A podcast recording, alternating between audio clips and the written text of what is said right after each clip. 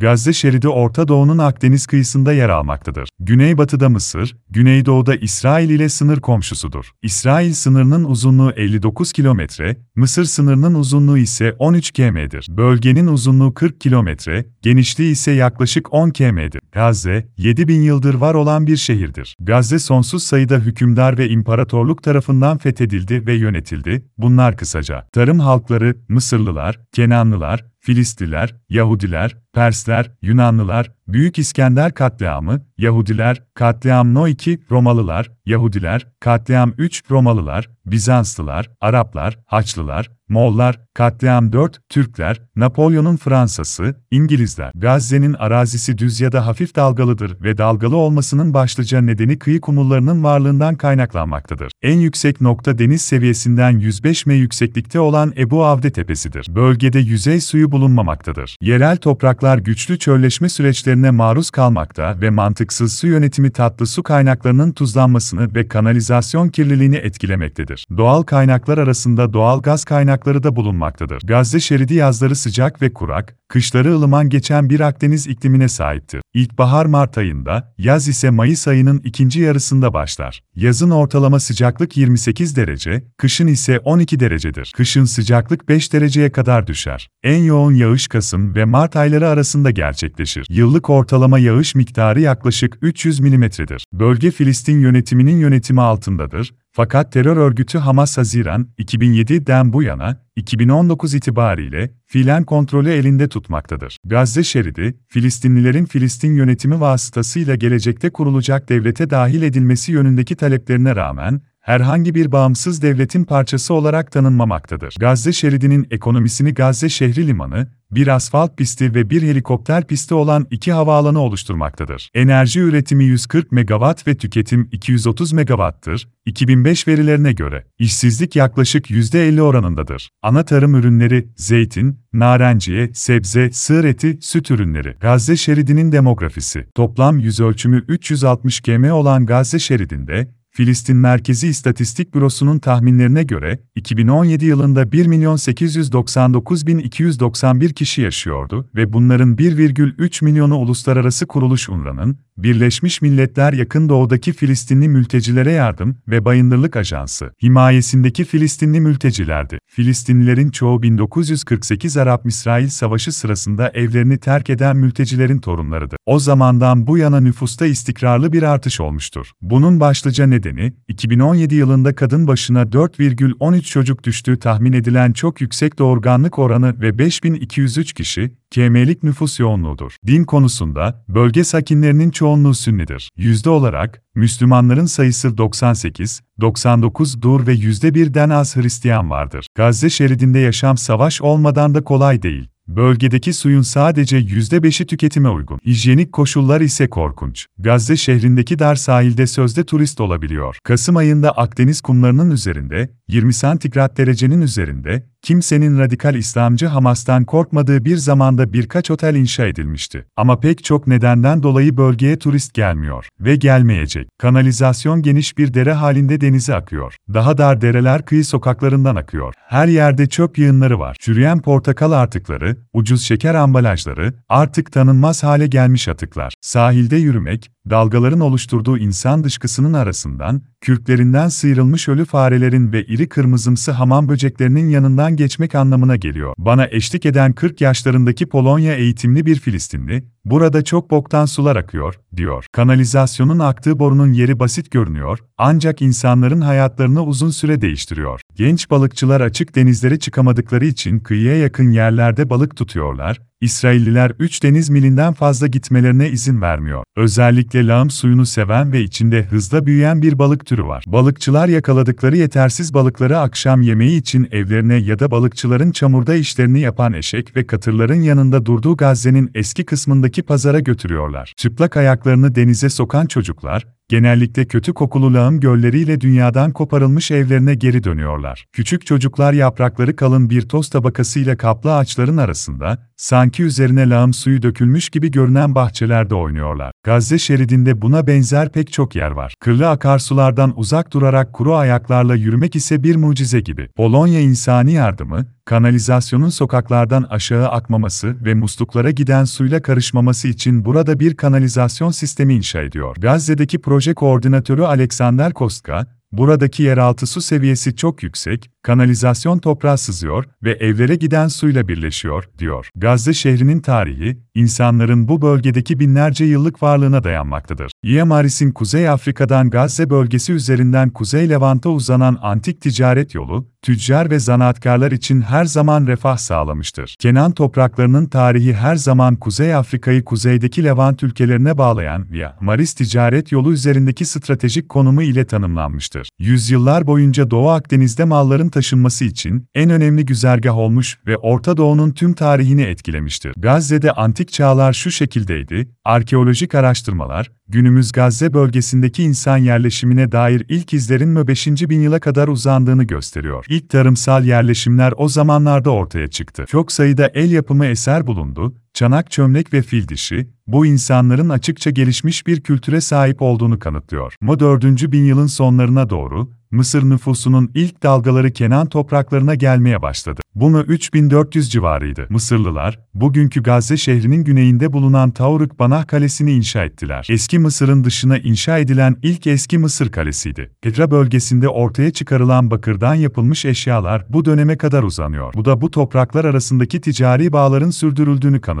Mu 3300-3000 civarında Gazze bölgesindeki ilk kent merkezleri kuruldu. Bunlar Tel Essekan, aslen bir Mısır kalesi, Tel Ellajul ve Gazze'ydi. Ticaret genişledikçe Mısır ve Kenan arasındaki ilişki de gelişti. Iemaris, kara ticaret yolu üzerinden giderek daha fazla mal taşındı ve bu da güzergah üzerindeki kasabaların ekonomik gelişimine katkıda bulundu. Ama zamanla Mısır'ın ekonomik çıkarları kuzeye, sedir ağacının deniz yoluyla ithal edilmeye başlandığı günümüz Lübnan'ına kaydı. Gazze'nin rolü artık sadece temel ihtiyaç maddelerini taşıyan gemilerin yanaştığı küçük bir limana dönüşmüştü. Ardından tüm bölge ekonominin çöküşünden zarar görmeye başladı ve artık ihtiyaç duyulmayan Tel Essekan Kalesi Mısırlılar tarafından terk edildi. Mu 25. yüzyıl civarında Gazze, Kenanlı nüfusunun yerleşmesiyle bağlantılı olarak önemli bir nüfus artışı yaşadı. Ama Mu 23. yüzyıl ekonomik bir çöküşe ve yerel şehirlerin gerilemesine sahne oldu. Terk edilen köylerin yerine yiyecek, su, yakıt ve hayvanlar için otlak arayışıyla bir yerden bir yere hareket eden göçebe kampları ortaya çıktı. Mu 20. yüzyılda ekonomik patlama ve sosyal gelişme yeniden başladı. Tel Essekan, Tel Ellajul ve Gazze kent merkezleri ortaya çıktı. Mu 1650'de Mısır'ın bazı bölgeleri geçici olarak Kenanlılar tarafından işgal edilmişti. Bu olaylar uluslararası ticaretin gelişmesine katkıda bulundu. Mu 1484'te Mısır Firavunu 3. Tamose Gazze bölgesini fethetti. Gazze şehri daha sonra Mısır'ın Kenan'daki idari başkenti olarak hizmet vermeye başladı. Ve 1310 yıllarından kalma Amarna mektupları, Firavun'un Seti tarafından güçlendirilen Azzati, modern Gazze şehrinin adından bahseder. Mu 1200 civarında Filistliler gelmeye başladı ve kıyı Kenan şehirlerini, Gazze, Ekron, Aşdod, Aşkelon ve Gat işgal etti. Filistliler ayrıca Mısır'ın bazı bölgelerine geçici olarak yerleşmeyi başardılar. Firavun 3. Ramses onları kovmasına rağmen onları Kenan kıyı şeridinden çıkaramadı. İncil'e göre buradaki en büyük şehir, siyasi olarak Mısır'a bağımlı bir Kenan şehri olan Gazze'ydi. Yaratılış 10-19. Şehir o zamanlar zengin bir liman ve 5 Filistin satraplığının, Gazze, Ekron, Aşdod, Aşkelon ve Gat başkentiydi. Eski ahit, Filistliler tarafından esir alınan ve Gazze'ye getirilen İsrailli bir yargıç olan Samson'un hikayesini anlatır. Filist tanrısı Dagon'un tapınağını yıkarken ölmüştür. Hakimler 16, 28, 30. Filistin Pentapolis'i uzun yıllar boyunca göreceli bağımsızlığın tadını çıkarmış, fakat daha güçlü komşularına haraç ödemişti. Mobin'de İsrail Kralı Davut ülkenin kontrolünü ele geçirdi. Mu 800 civarında, MS 1100 yılına kadar Tida şehri olarak kullanılan Antadon antik kenti ve limanı kuruldu. Burası arkeologların pek çok değerli hazine keşfettiği bir yer. Mu 734, Tegazze Yeni Asur'un himayesine girdi. Mu 609'da Mısır Firavunu 2. Neko geçici olarak Gazze'nin kontrolünü yeniden ele geçirdi, ama Mo 605, 601'de Yeni Babilliler tarafından fethedildi. Kral Büyük Kiros döneminde Gazze, Pers müttefiki statüsünü korumak için 20-30 ton tütsü sundu ve bunun karşılığında yıllık haraç ödemekten muaf tutuldu. Bu dönemde Gazze bölgesi hızla gelişti. Yunan tarihçi Herodot, Gazze'yi savunma duvarlarıyla çevrili büyük bir liman kenti olarak tanımladı. Şehrin gelişimi, ticaret kervan yollarının kesiştiği noktadaki elverişli konumu ile kolaylaştırıldı. Mo 520 civarında Gazze'de Yunan fabrikaları kuruldu. Fabrikanın ana malları şunlardı, tütsü, tıbbi mürrüsafi, Yunan porseleni ve basılmış sikkeler, Mö 380'den itibaren Atina modelinde basılmış sikkeler bulunmuştur. Mö 332 yılında Makedonya Kralı Büyük İskender Gazze'yi fethettikten sonra halkı katletti ve hayatta kalan kadın ve çocukları köleleştirdi. Şehir, çoğunlukla Bedevilerin yaşadığı bir Yunan kolonisi haline geldi. Büyük İskender'in Diadoçi savaşları sonucu ölümünden sonra Gazze bölgesi, Mısır ve Yahudiye'yi kontrol eden Ptolemeys hanedanının egemenliğine girdi. Bugünkü Suriye ve Lübnan bölgelerini fethetmek isteyen Ptolemeys, Mö 321'de Gazze Savaşı'na katılarak Seleukosları yenilgiye uğrattı, savaşa savaş filleri de katılmıştı. Mu 198'de peş peşe yapılan savaşların sonucunda Gazze Seleukosların eline geçti. Ülkeleri yakın ve Orta Doğu'nun en önemli ülkelerini kapsıyordu, Suriye, Mezopotamya, İran ve Indus Vadisi. Seleukos hükümdarlığı Mö 167 yılında Yahudi Makabe isyanının patlak vermesine ve Makabe devletinin kurulmasına yol açtı. Gelişen Gazze bölgesi Makabiler için bir ilgi merkezi haline geldi. Yanıtın Makabe Mö 145, 143 yılları arasındaki seferinde Gazze ve Antedone şehirlerini ele geçirdi ve yok etti. Alexander Vanla'yı, Mö 102 de Gazze'yi bir yıl boyunca kuşatma altında tuttu. Kent sakinleri nihayet teslim olunca İskender Gazze'yi, Antedone'yi ve Rapya'yı yok etti. O dönemde Yahudiler, Sadukiler ve Ferisiler arasında bir iç savaş yaşıyordu ve Romalılar bundan yararlanarak Mu 63 yılında Yahudiye'yi işgal etti. Gazze bölgesi Suriye eyaletinin bir parçası haline geldi. Mu 57'de Romalı prokonsül Gabinius, önemli bir kültürel ve dini merkez, Marne'in tapınağı, haline gelen Gazze'yi yeniden inşa etti. Mo 35'te İmparator Octavianus Augustus, şehri ve çevresindeki toprakları Yahudiye kralı Büyük Hirodes'e verdi. Onun yönetimi altında Gazze şeridindeki Yahudilerin sayısı önemli ölçüde arttı, fakat şehrin kendisi pagan olarak kaldı. Buradaki tapınaklar Marnas, Giritli Zeus, Güneş, Afrodit, Apollon, Hestia, Hekate gibi çeşitli tanrılara adanmıştır. Mise 66'da Roma İmparatorluğuna karşı Yahudi Savaşı, 66-73 patlak verdiğinde, Kaysare'deki katliamın intikamını alan Yahudiler Gazze, Antedone ve çevresindeki köyleri yerle bir etti. Mise 130'da Roma İmparatoru Hadrian yeniden inşa edilen Gazze'yi ziyaret etti. Varkohba bir başka Yahudi isyanını bastırdıktan sonra Romalılar ülkenin adını Yahudiye'den Suriye Filistin'ine, MS 135'te yerel bölgenin adı olan Filistia, adından gelen Filistin veya Filistin Suriyesi, değiştirdiler. İmparator Theodosius 395 yılında öldüğünde ve Roma İmparatorluğu Batı Roma İmparatorluğu ve Doğu Roma İmparatorluğu, yani Bizans, olarak ikiye ayrıldığında, Filistin ve Gazze bölgesi Bizans'ın kontrolüne girdi. 401'de İmparator Arcadius, Gazze'de pagan ibadetini yasakladı. Putperestlere zulmedildi, malları ve kültürleri yok edildi. 8 pagan tapınağı ve sadece 200 kişilik bir Hristiyan topluluğunun bulunduğu bölgede ayaklanmalar 10 gün sürdü. Gazze Başpiskoposu Aziz Porfiri, yıkılan Roma tapınağının yerine haç biçimli bir kilise inşa etti, Yudoşa Bazilikası. 3. ve 4. yüzyılların başında, Aziz Jerome tarafından hayatı anlatılan Aziz Hilarion şehrin yakınlarında yaşıyordu. Önceleri Büyük Aziz Antoni'nin öğrencisi olan bu keşiş, inziva hayatını Filistin topraklarına nakletti. Sen Hilarion Manastırı, Sen Hilarion'un mezar yerinin yanında bulunan Deir al-Lebalah'ta inşa edilmiştir. Arapça Deir kelimesi, manastır, ve albalah kelimesi palmiye ağaçları etrafında büyüyen anlamına geldiğinden Deir Albalah şehri adını ona borçludur. Orta Çağ peşinde daha fazla fetih ve demografik felaket getirdi. M.S. 496'da Kral Aksum, İmparator, Anastasius'a bir zürafa hediye ettiğinde, zürafa ilk olarak Gazze limanına gitti. Bu olayın Gazze'li sanatçılar ve mozaik yapımcıları üzerinde büyük etkisi oldu. 536 yılında Piskopos Marsiyan, Aziz Sergius'a adanmış bir kiliseyi kutsadı ve 540'ta Gazze'deki Hristiyan nüfusu zirveye ulaştı. O dönemde Sine'ye giden haç kafileleri şehirden yola çıkıyordu. 615 yılında Gazze, Sasani hanedanından iki Çoşus Perviz'in Pers ordusunun işgalinden kurtuldu. 634 yılında Gazze bölgesi Müslümanlar tarafından işgal edildi, fakat şehrin kendisi 637 yılında fazla direniş gösterilmeden fethedildi. Bölge sakinlerinin büyük çoğunluğu o dönemde İslam'a geçti.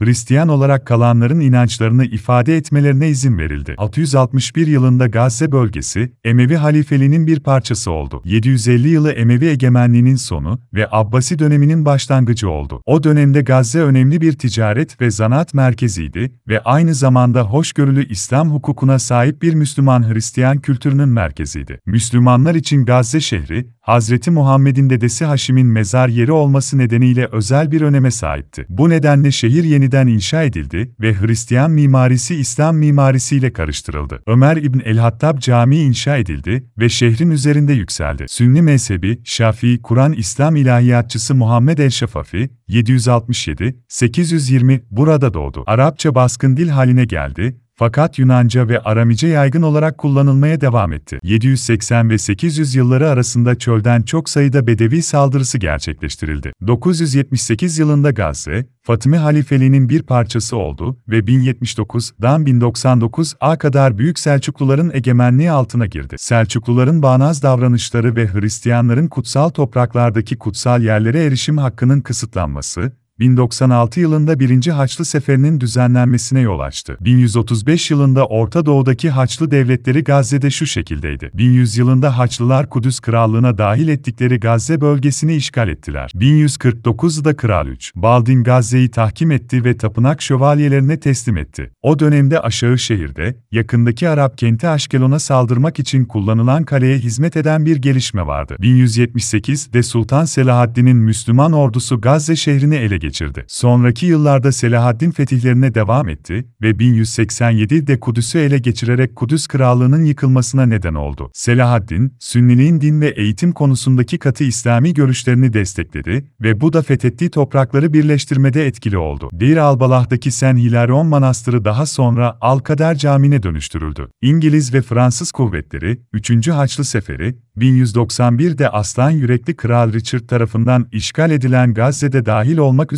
toprakların bir kısmını geri aldı. Gazze'nin surları yeniden inşa edildi fakat 1193 TFA Antlaşması'nın anlaşmaları sonucunda yıkılmak zorunda kaldılar. Haçlılar, Gazze'deki Ulu Camii Vaftizci Yahya Katedrali'ne, şimdi Büyük Omari Camii dönüştürdüler. 1250'de Gazze bölgesi Müslümanların egemenliğine geri döndü. 1260 yılında Gazze, Hülagü Han'ın Mol istilasıyla tamamen tahrip edildi. 1277'de Gazze bölgesi, Şam Memlüklerinin yönetiminde bir kalkınma dönemine girdi. Bu kalkınma 1294'te Gazze'yi harap eden bir depremle kesintiye uğradı. 1340 yılında Büyük Cami yeniden inşa edildi. Arap gezgin İbn Battuta 1355 yılında Gazze'yi ziyaret etti ve orayı, birçok caminin bulunduğu büyük ve kalabalık bir şehir olarak tanımladı. Ama etrafında duvar yoktu. Orada büyük eski bir cami vardı. Modern zamanlar Gazze'ye daha fazla değişiklik getirdi. 1516 yılında Gazze bölgesi Osmanlı İmparatorluğu'na bağlandı. O zamanlar Gazze, kullanılmayan bir limanı, harap binaları ve gerileyen ekonomisi ile zaten küçük bir kasabaydı. Türk birlikleri küçük direnişi hızla bastırdı ve Gazze bölgesi, Türkçe,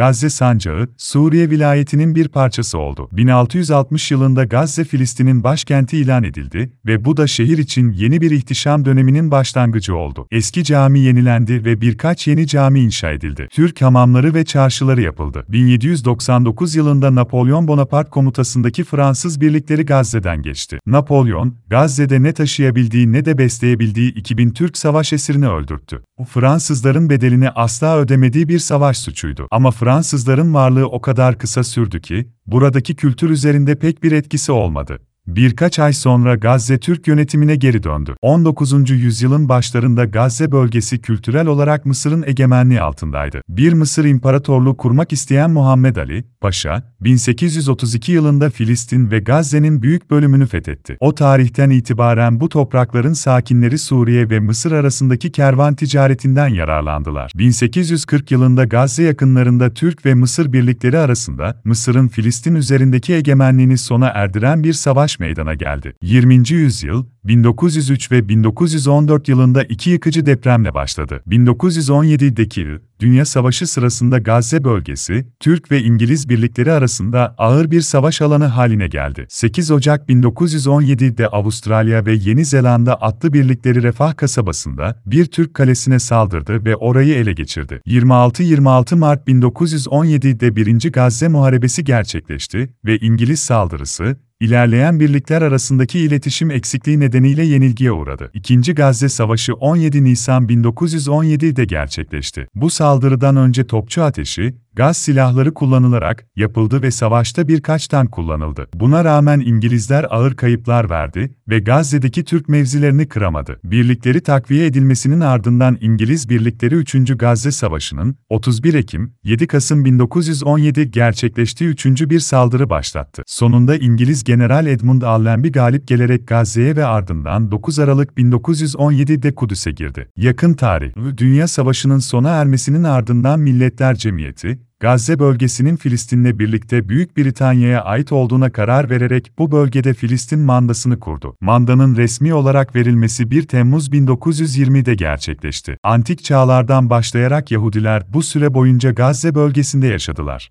1929'da Gazze'deki Arap ayaklanmalarına kadar bölgeyi terk etmeye zorlanmadılar. Arap ayaklanmalarının ardından İngiliz mandası yetkilileri Yahudilerin Gazze bölgesinde yaşamasını yasakladı. Fakat 1930'da bir grup Siyonist, bölgenin orta kesiminde Kibbutz Kefardaron kurdu. Kibbutz 1936, 1939 Arap ayaklanmaları sırasında boşaltılıp yıkıldı ve 1946'da yeniden inşa edildi. 1947 ve 1948 yılları arasında Araplar ve Yahudiler arasındaki silahlı olaylar artmaya başlayınca, İngiliz hükümeti Filistin mandasındaki durumun kontrolden çıktığını fark etti. Bu nedenle 2 Nisan 1947'de Filistin meselesini resmen Birleşmiş Milletler'e havale etti ve Birleşmiş Milletler 29 Kasım 1947'de 181 sayılı kararı kabul etti. Bu karar Filistin'i Yahudi ve Arap olmak üzere iki devlete bölmeye yönelik bir karardı. Bu plana göre, Gazze bölgesi yeni kurulan Arap devletinde yer alacaktı. 14 Mayıs 1948'de İsrail'in bağımsızlığının ilan edilmesinden sonra 1. Arap-İsrail Savaşı başladı. Savaş sırasında Gazze bölgesi Mısır birlikleri tarafından işgal edildi. Rodos adasındaki ateşkes görüşmeleri sırasında İsrail,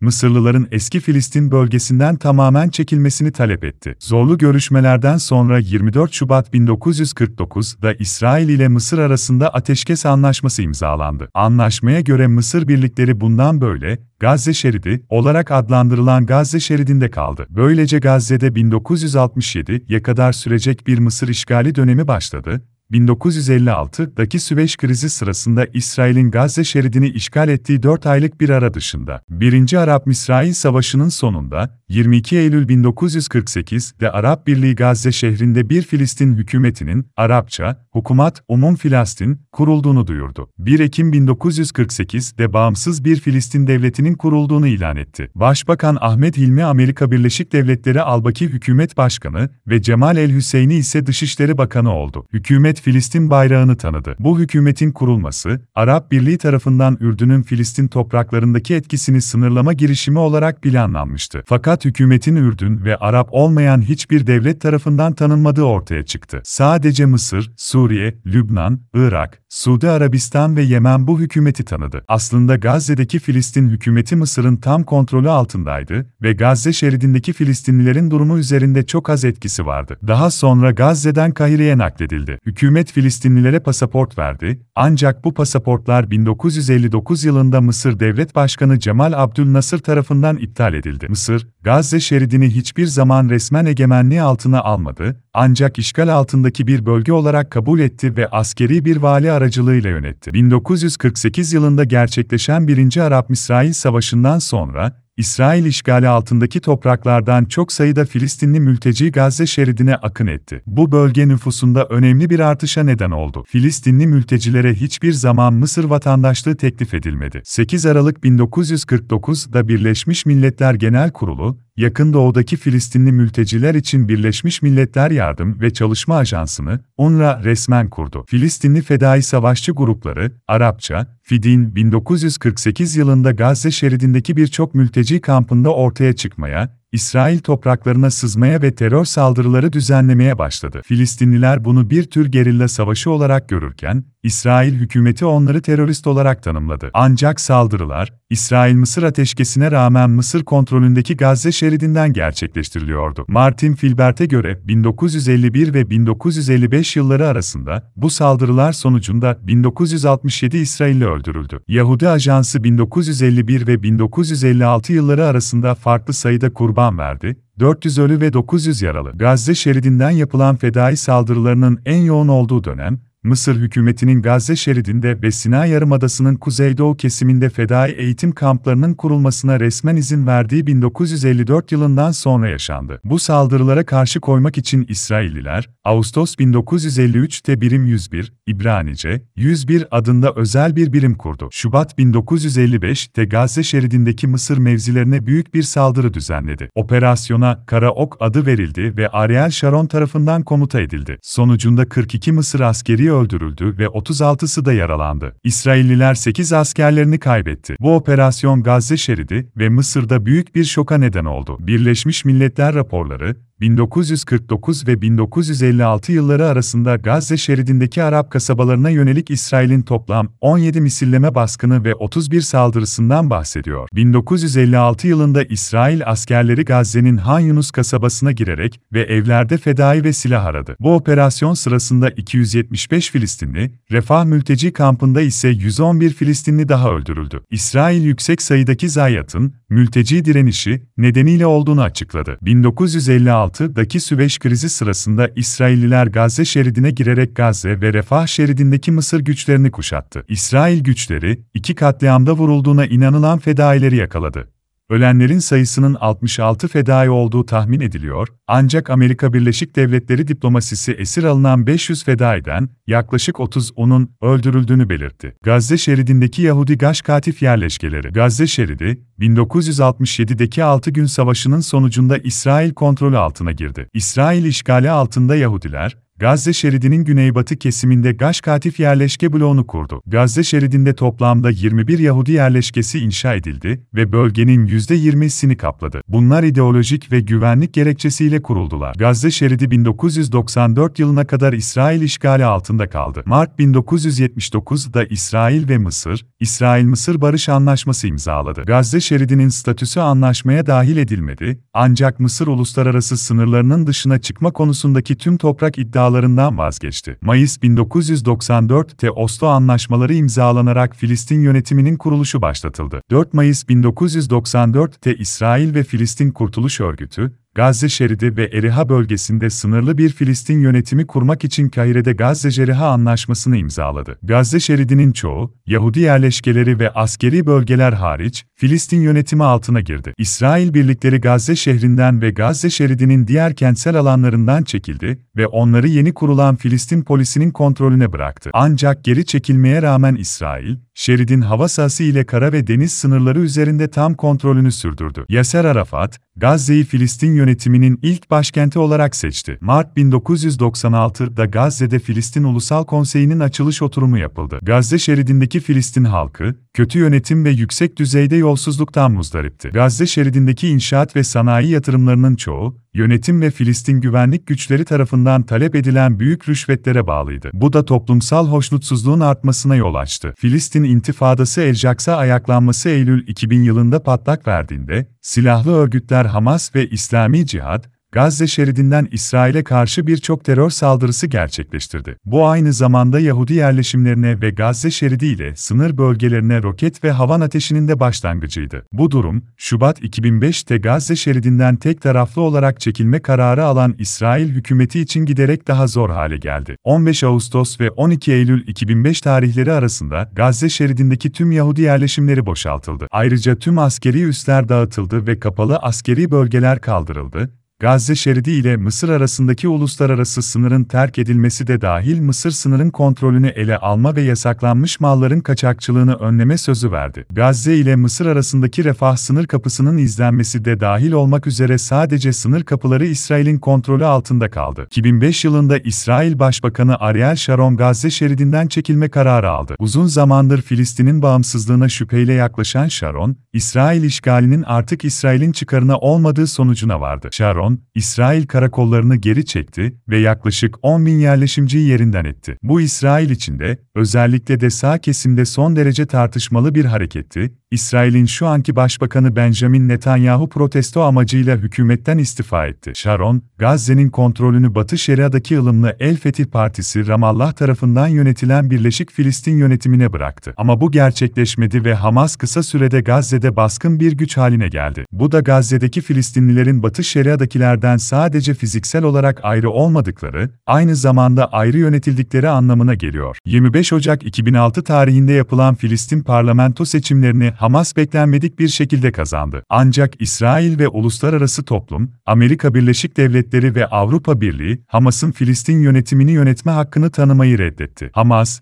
İsrail devletinin var olma hakkını tanımayı reddeden bir terör örgütü olarak görülüyor. Bu nedenle Filistin hükümetine doğrudan yardım kesildi ve bağımsız insani yardım kuruluşlarına yönlendirildi. Bu da siyasi kargaşaya ve ekonomik çöküşe neden oldu ve birçok Filistinliyi çalışmak için Gazze şeridinden göç etmeye zorladı. İsrail'in 2005'te çekilmesinden bu yana, İsrail ve Hamas üç ayrı savaşa girdi, 2006, 2008, 2009 ve 2012 yıllarında. İsrail ilk ikisinde Gazze'yi işgal etti, ancak üçüncüsünde bombaladı. 2006 savaşı, genç bir İsrail askerinin Hamas tarafından kaçırılmasıyla tetiklendi, tıpkı mevcut krizin Batı Şeria'da 3 İsrailli öğrencinin kaçırılıp öldürülmesiyle tetiklenmesi gibi. İsrail'in Hamas ajan olarak gördüğü kişiler tarafından öldürüldüler. İsrail'in sırasıyla dökme kurşun operasyonu ve savunma sütunu operasyonu olarak adlandırdığı 2008, 2009 ve 2012 savaşlarındaki amacı Hamas'ın İsrail'e roket atma kabiliyetini yok etmekti. Bu strateji, Hamas'ın roket stoklarını ve tedarik hatlarını yok etmek ve Hamas'ın gelecekteki roket saldırılarını engellemekti. Hamas'ın roket saldırıları 2012'den bu yana önemli ölçüde azaldığı için İsrail'in stratejisi başarılı oldu. Ancak bunun Filistinlilerin hayatına mal olan ciddi bir bedeli oldu. Ocak 2007'de Gazze şeridinde Hamas ve El Fetih'in silahlı grupları arasında şiddetli çatışmalar patlak verdi.